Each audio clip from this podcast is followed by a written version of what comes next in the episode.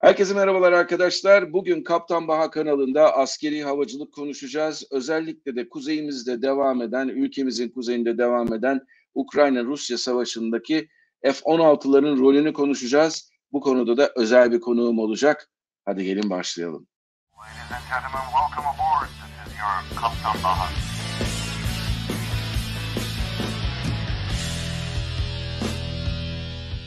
Merhabalar arkadaşlar ben Kaptan Baha, Bahadır Acuner. Yepyeni bir Kaptan Baha yayınıyla hem YouTube'da hem de podcastlerde sizlerle beraberiz. Bugün özel bir konuğumuz ve özel bir konumuz var. Özel konumuz benim çok da fazla bilgili olmadığım askeri havacılık konuları ama bu konuda konunun uzmanlarına danışmak için sizlere güzel bir konuk ayarladım ve bu konuk sayesinde Ukrayna'ya verilmeye başlanılacak olan F-16'ları konuşacağız bugün tüm ince ayrıntılarıyla. Bu konuda da bizi bilgilendirecek olan Levent Özgül yanımızda. Levent'ciğim hoş geldin. Sana Levent'ciğim diye hitap ediyorum çünkü yıllardır gelen bir arkadaşlığımız var, e, konuşmuşluğumuz var. Gerçi bu zamana kadar beraber yayın yapmadık ama kısmet bu zamanaymış. Evet abi. Nasılsın Bahadır abi? İyi misin? Şeref, İyiyim. Teşekkür ederim. Oldu. Seni sormalı. Ben senin beni davet etmenle şeref ve onur duydum gerçekten. Çok Estağfurullah ne demek. Yani çok sevdiğim bir abimsin. Şu an e, çok mutlu bir an yaşıyorum. Evet. Şimdi ben de işte dediğim gibi bu konuda çok fazla bilgim yok. Sen bu konularda son derece bilgili bir insansın. Referans sayılabilecek bir insansın. O nedenle ben biraz hani haberlerde gördüğüm kadarıyla bilgim var. E, NATO'dan değişik ülkeler F-16'ları ver, verdiler, verecekler, vereceklerine dair söz verdiler. Bu konuda bizi biraz aydınlatabilir misin lütfen? Dilim döndüğünce yardımcı olmaya çalışayım Bahadır abi. Şimdi Rusya, ben her zaman söylüyorum bunu. Rusya nükleer olarak bir süper güç. Ama ekonomik olarak İtalya büyüklüğünde bir ülke. Yani İtalya büyüklüğünde bir ülke e, böyle bir savaşı uzun süre sürdürmesi çok zor bence. Çünkü Ukrayna bir NATO üyesi ülke olmamasına rağmen NATO üyesi ülkeler tarafı yardımlar görüyor. Bugüne evet. kadar ciddi mühimmat yardımları gördü, eğitim yardımları gördü. Benim anladığım kadarıyla bunun son aşaması F-16'lar olacak. Bu çok büyük bir şekilde dengeleri değiştireceğini düşünüyorum ben. Çünkü NATO standartlarındaki F-16'lara karşı o eğitimdeki pilotlara karşı Rusların ben karşı koyabileceğine inanmıyorum. Tabii ki yani Ukrayna'da uçak kaybedecektir mutlaka ama Rus ekonomisi bu savaşı uzun süre ben götüremeyeceğini düşünüyorum. Sonuçta şöyle düşünelim. İtalya'yı düşünün. NATO üyesi olmasaydı İtalya ve NATO üyesi olmayan başka bir ülkeyle NATO'nun çok büyük destek verdiği bir ülke savaşmaya kalksaydı o ekonomiye ne kadar devam ederdi? Çünkü savaş eşittir para. Ben bunun çok büyük bir oyun değiştirecek adım olarak görüyorum Bahadır abi. Peki e, şu ana kadar benim bildiğim kadarıyla Hollanda bir uçak vereceğiz diye bir sözde bulundu. Onun evet. dışında Norveç var yanılmıyorsam. Danimarka var. Danimarka var. Başka bir ülke evet. var mı? Benim bildiğim yok ama ya söylentiler Belçika'nın da vereceği gibi söylentiler var. Resmi bir açıklama görmedim ben. Öyle yani dedikodu sadece. Ve benim gözlemlediğim kadarıyla da bu uçakların e, bazıları şu an Romanya'daki NATO üslerine gitmiş durumda ve Ukraynalı pilotlar da burada eğitime başladılar mı, başlayacaklar mı? Bu konuda başladılar. bizi bilgilendirebilir misin?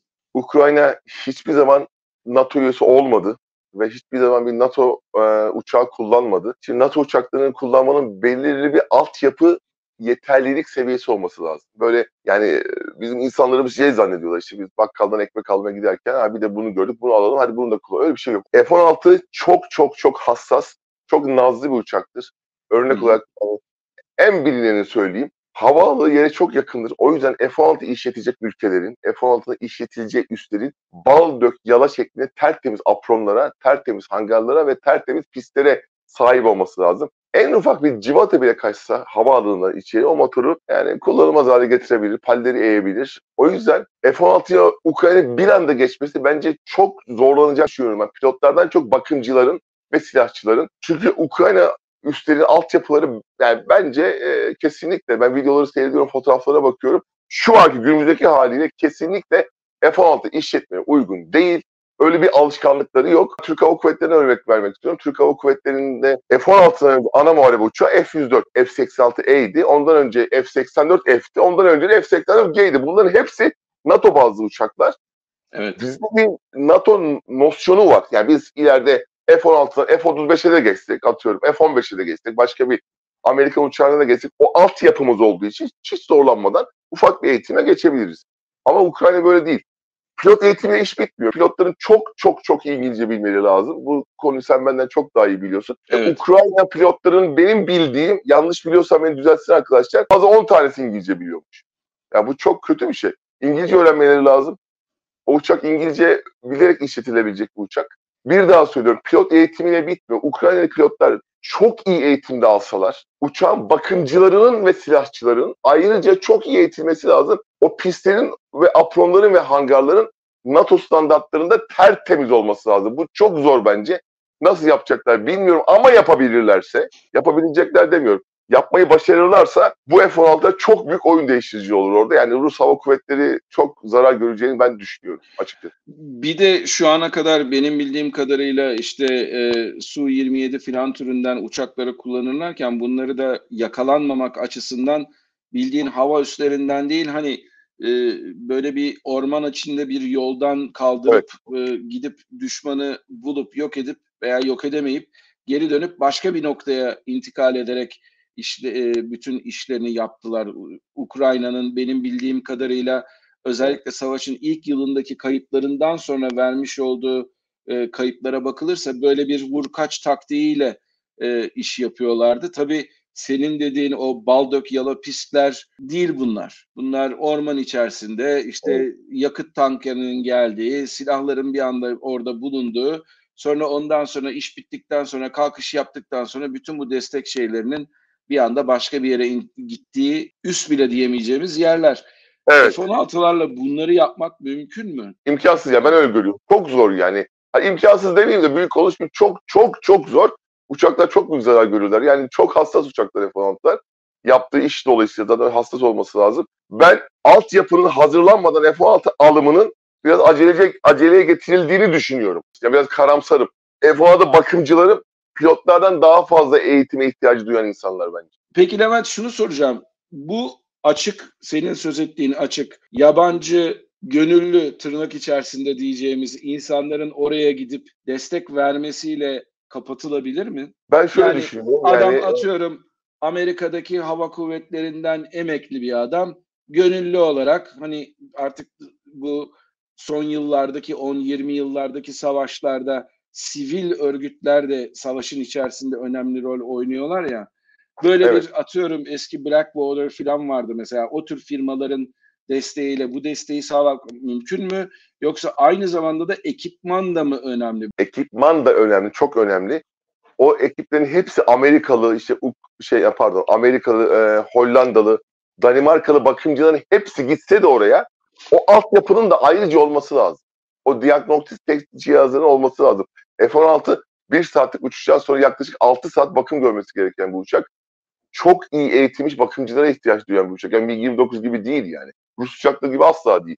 Senin dediğin şey çok faydalı olur. Oradaki bakımcıların tecrübe kazanması eğitime çok büyük katkı verir abi ama yani ben altyapı konusunda çok ısrarcıyım hala. Altyapı hazır olmadan F-16 işletmek bence çok zor bir şeydir. Anlıyorum. Peki bu e, ülkelerin söz ettiği uçaklar ellerinden çıkardıkları F-16'lar değil mi? Yani bunlar son model e, Amerika'dan aldıkları uçaklar değiller. Avrupa F-16'sı diyebileceğimiz bir F-16 türü var aslında.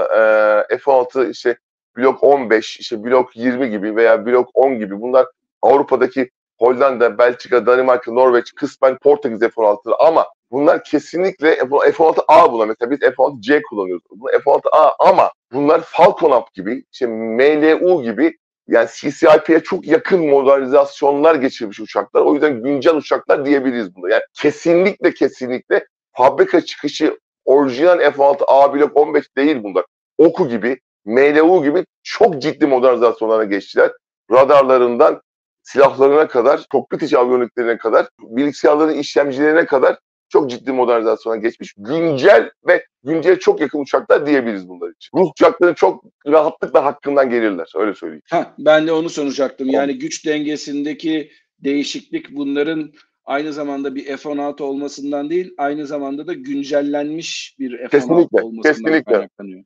Kesinlikle Bahadır abi. Çok haklısın. Mesela AIM 120 falan atabilecek bunlar o Tabii zaman. tabii tabii tabii tabii canım. Tabii İşte yani. mesela bizim mesela düşürdüğümüz Rus uçağını öyle düşürmemiş miydik biz? AIM 120 ile düşürmemiş Aynen. miydik? Aynen öyle düşürdük. Ölümcül düşürdük. Bilmeyenler için sen çok daha fazla bilgi vereceksindir. orta menzilli bir havadan havaya füze AIM-120 ve Evet. gerçekten de hani at ve unut türünden bir füze değil mi? At ve unut derken yani Sidewinder gibi değil. Güdümlemek gerekiyor pitbull olana kadar ama şöyle söyleyeyim. Eğer uçağımda Lincoln 16 yeteneği varsa yani diğer F-16'larla işlenmiş radar verisi paylaşma yeteneği varsa o F-16'da veya AVAX'la konuşabiliyorsa Lincoln 16 üzerinden biz buna Türk Hava Kuvvetleri'nin biliyorsunuz ölümcül üçlü diyoruz. Yani ölümcül üçlü nedir? AVAX uçağı, F-16'mız ve Amran füzemiş. Arada da Lincoln 16 bağı var. Aslında ölümcül dörtlü demek lazım. Buna üçlü diyorlar. Eğer bu uçaklar Amerikan AVAX'larına veya diğer NATO üyesi ülkeleri AVAX uçaklarından da bir yardım alırlarsa Rus uçaklarına karşı karşı geldikleri zaman yani ben Rus uçaklarında çok az şans tanırım o zaman. Çünkü AVAX Amerikan veya herhangi bir NATO üyesi ülkenin bizim AVAX'ımız olabilir. Rus uçakları tespit edip Lincoln 16 üzerinden Ukrayna verecek olan F-16'lara bunu iletirse bu iş, işlenmiş radar verisi yalnız radar verisi değil. İşlenmiş radar verisi iletirse ve AIM-120 Amram füzesi B modeli de olabilir, C7 de olabilir. B de çok yani B modeli de çok gelişmiş bir füze. Yani kısa bir süre bunu füzenin kendi radarından da hedefi görerek çünkü kendi füze radarın çapı daha ufak olduğu için daha az bir menzil tarayabiliyor. Füze pitbull olana kadar yani düşman uçağını kendi radarından görüp Tamam ben artık görüyorum hedefi. Bana yardım etmeye gerek yok sinyali gönderiyor F-16. Bunu yapana kadar çok kısa bir süre güdülüyor, güdümlüyorsunuz onu. Ondan sonra o uçak, o füze düşman uçağı tamamen kendisi gidip vuruyor. Çok ölümcül bir füze gerçekten. Yani ben Rusların yapacağı elektronik karıştırma tabii mutlaka Ruslar da kendi savunma tedbirleri kullanacaklardır ama Rusların ben yani AIM-120 Amram'ı tamamen karıştıracak kadar güçlü elektronik karıştırmayı yapabileceklerine ben elektrik mühendisi olarak ben inanmıyorum. Yani Rusların ben bugüne kadar sivil anlamda da bu kadar gelişmiş bir yarı iletken ürettiğini ben görmedim. Sivil anlamda da görmedim. Ben bunu Rusları çok zorlayacağını düşünüyorum açıkçası. Tabii savaş ne olacağı belli olmaz ama çok büyük bir oyun değiştirici olacak bu F-16'lar. Peki bir de tabii hepimizin bildiği bir şey var. F-16 sadece avcı uçağı değil aynı zamanda yer hedeflerine karşı da silahları var. Sence burada F-16'lar Ukrayna Hava Kuvvetleri'nde acaba sadece avcı veya sadece yer için mi hazırlanıyor? Yoksa böyle bir değişik multi role denilen değişik rolleri de oynayabileceği bir şekilde mi hazırlanıyor? Ve sen olsaydın bunları mesela nasıl hazırlardın diye sorayım. Çünkü hangisine öncelik tanınacak mesela? Ben e, bu uçakların hepsi zaten artık dediğin gibi abi senin multi rol uçaklar. Çok rollü uçaklar bunlar. Yani F-16 ilk doğduğunda bir avcı uçağı olarak doğmuş ama günümüzde artık neredeyse çok görevli değil her görevli uçağa dönüştü. Bu F-16'lar sniper podu, özellikle Lantin podu taşıyabilen uçaklar. Bunlar artık gece çok hassas, gece karanlıkta hassas saldırı yapabilen uçaklar, e, Ukrayna'ya verecek olan uçaklar. O yüzden ben Rusların hava savunma sistemlerinin harm füzeleriyle çok büyük zarar göreceğini düşünüyorum. Ukrayna bunu daha önce zannediyorum MiG-29'da Amerikalılar bir onlara bir yardımda bulunmuşlar. Harm füzesi MiG-29 uçaklarına tanıtmışlardı diye biliyorum yanlış hatırlamıyorsam ama F-16 gibi Lantin podu taşıyan, gece hassas saldırı yapabilen bir uçağa harm füzesi takarsak biliyorsunuz F-15E uçakları harm füzesi taşıyamıyorlar. O yüzden Amerikan Hava Kuvvetleri envanterinde harm füzesi atabilen bu F-15X'ler gelene kadar tek uçak şu an günümüzde F-16'lar. Yani vazgeçilmez ve tek tek uçak radar mevzilerine saldırmak için. Eğer o görevde de kullanılırsa F-16'lar Rus hava savunma sistemlerine çok zarar vereceğini düşünüyorum açıkçası. Hava yer rolünde de çok hassas saldırı yapabilecek uçaklar bunlar. Dediğin gibi çok rolü uçaklar Bahadır abi. Bilmeyenler için harm füzesini biraz açar mısın? Bahadır abi harm füzesi F-16'lar tarafından kullanılabilen daha doğrusu şöyle söyleyeyim. F-15E uçakları harm füzesi atamıyor oldukları için şu anda F-15X'ler, EX'ler gelene kadar Amerikan Hava Kuvvetleri envanterinde sadece ve sadece F-16 tarafından atılabilen bir füze. Çok özel bir taktik saldırı füzesi bu füze. Yüksek süratli anti radyasyon füzesi anlamına gelen kelimenin kısaltılmışı şeklinde kullanıyoruz. Harp füzesi şifrak füzelerin yerini almış olan, yer radarlarının antenlerin yerini tespit eden ve yer radarının antenleri yok etmek için kullanılan çok yüksek süratli bir füze. Çok özel bir taktik saldırı füzesi. Ben bu füzeyi taşıyan, Ukrayna'ya verecek F-16'ın harp füzesi taşıyan F-16'ın Lantin podlarıyla beraber kullanılırlarsa ve eğer HTS podunu da Amerika verecek mi bilmiyorum. Şu ana kadar İsrail'e falan hiçbir ülkeye vermedi HTS podunu ama harp füzesi HTS podu olmadan da çok etkili ve çok ölümcül bir füze biliyorsun. Rus hava savunma sistemlerinin canını okuyacağını düşünüyorum ben. Çok çok büyük zarar verecektir eğer iyi eğitimli harbe hazır pilotlar tarafından kullanılırsa Bahadır abi. Peki lejyoner pilotların kullanılması sence söz konusu olur mu bu savaşta? Bence çok mantıklı olur. Yani bir Amerikalı pilotun veya bir Hollandalı pilotun F-16 ile binlerce uçuş saatine sahip bir pilotun orada uçması çok daha mantıklı bence. Çünkü ya sıfırdan bir pilotun bir de İngilizce bilmeyen bir pilotun F-16'da harbe hazır olması yıllar alıyor çünkü. Çok uzun zaman lazım. Bence çok mantıklı bir şey. Bunu yaparlarsa. Bir soru daha geliyor aklıma. Türkiye bu konuda nerede? Ne konuda abi? Yani biz harbe hazırlık Yani- konusunda mı? Hayır şey açısından Ukrayna'ya bu verilecek destek konusunda biz herhangi bir destek veriyor muyuz yoksa vermeyi planlıyor muyuz? Eğitim açısından belki çünkü yani Romanya ufak bir ülke biliyorsun işte NATO'nun en büyük tatbikatlarını zamanında biz geldik Konya'da yaptık mesela. Evet. Çünkü hava sahamız NATO üyesi Avrupa ülkeleri arasında en büyük hava sahası. Ve e, böyle bir şey mesela Türkiye'ye hiç bildirildi mi, bir istek geldi mi biliyor musun hiç? Benim böyle bilgim yok ama ben yani şu anda bizim Türkiye'nin siyasi olarak Rusya aramız biraz iyi biliyorsunuz. Diğer NATO üyesi ülkelere Evet. göre biraz iyiyiz Rusya, yakınız. Diğer NATO üyesi ülkelere göre. Ben bu kadar yani Rusya aramızı açacak bir şey yapacağımızı zannetmiyorum. Bir bilgim yok. Ben şu an sadece aklıma gelen istiyorum. Yani Türkiye'de mesela bir Konya eğitim sahasında Ukrayna pilotla eğiteceğimizi zannetmiyorum. Yani olmaz diye bir şey yok, imkansız diye bir şey yok. Belki de benim haberim yoktur.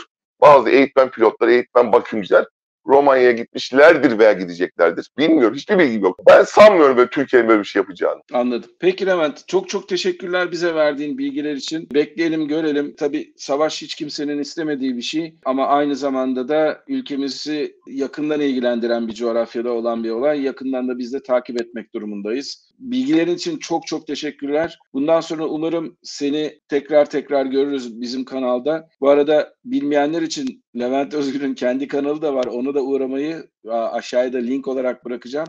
Unutmayın gerçekten çok güzel videoları var.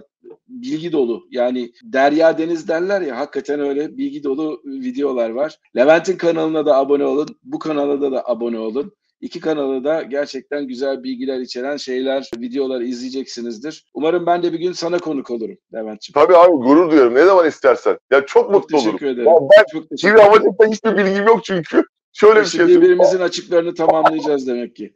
Ya üniversitedeyken stajlarımdan birini Türk Hava Yolları'na yapmıştım. Türk Hava Yolları Teknik'te. O günden beri sivil uçakları sadece yolcu olarak biliyorum. Başka bir bilgim yok. ya. Çok İşte gurur duyuyorum. Gurur, gurur Çok duyuyorum teşekkür gerçekten. ederim.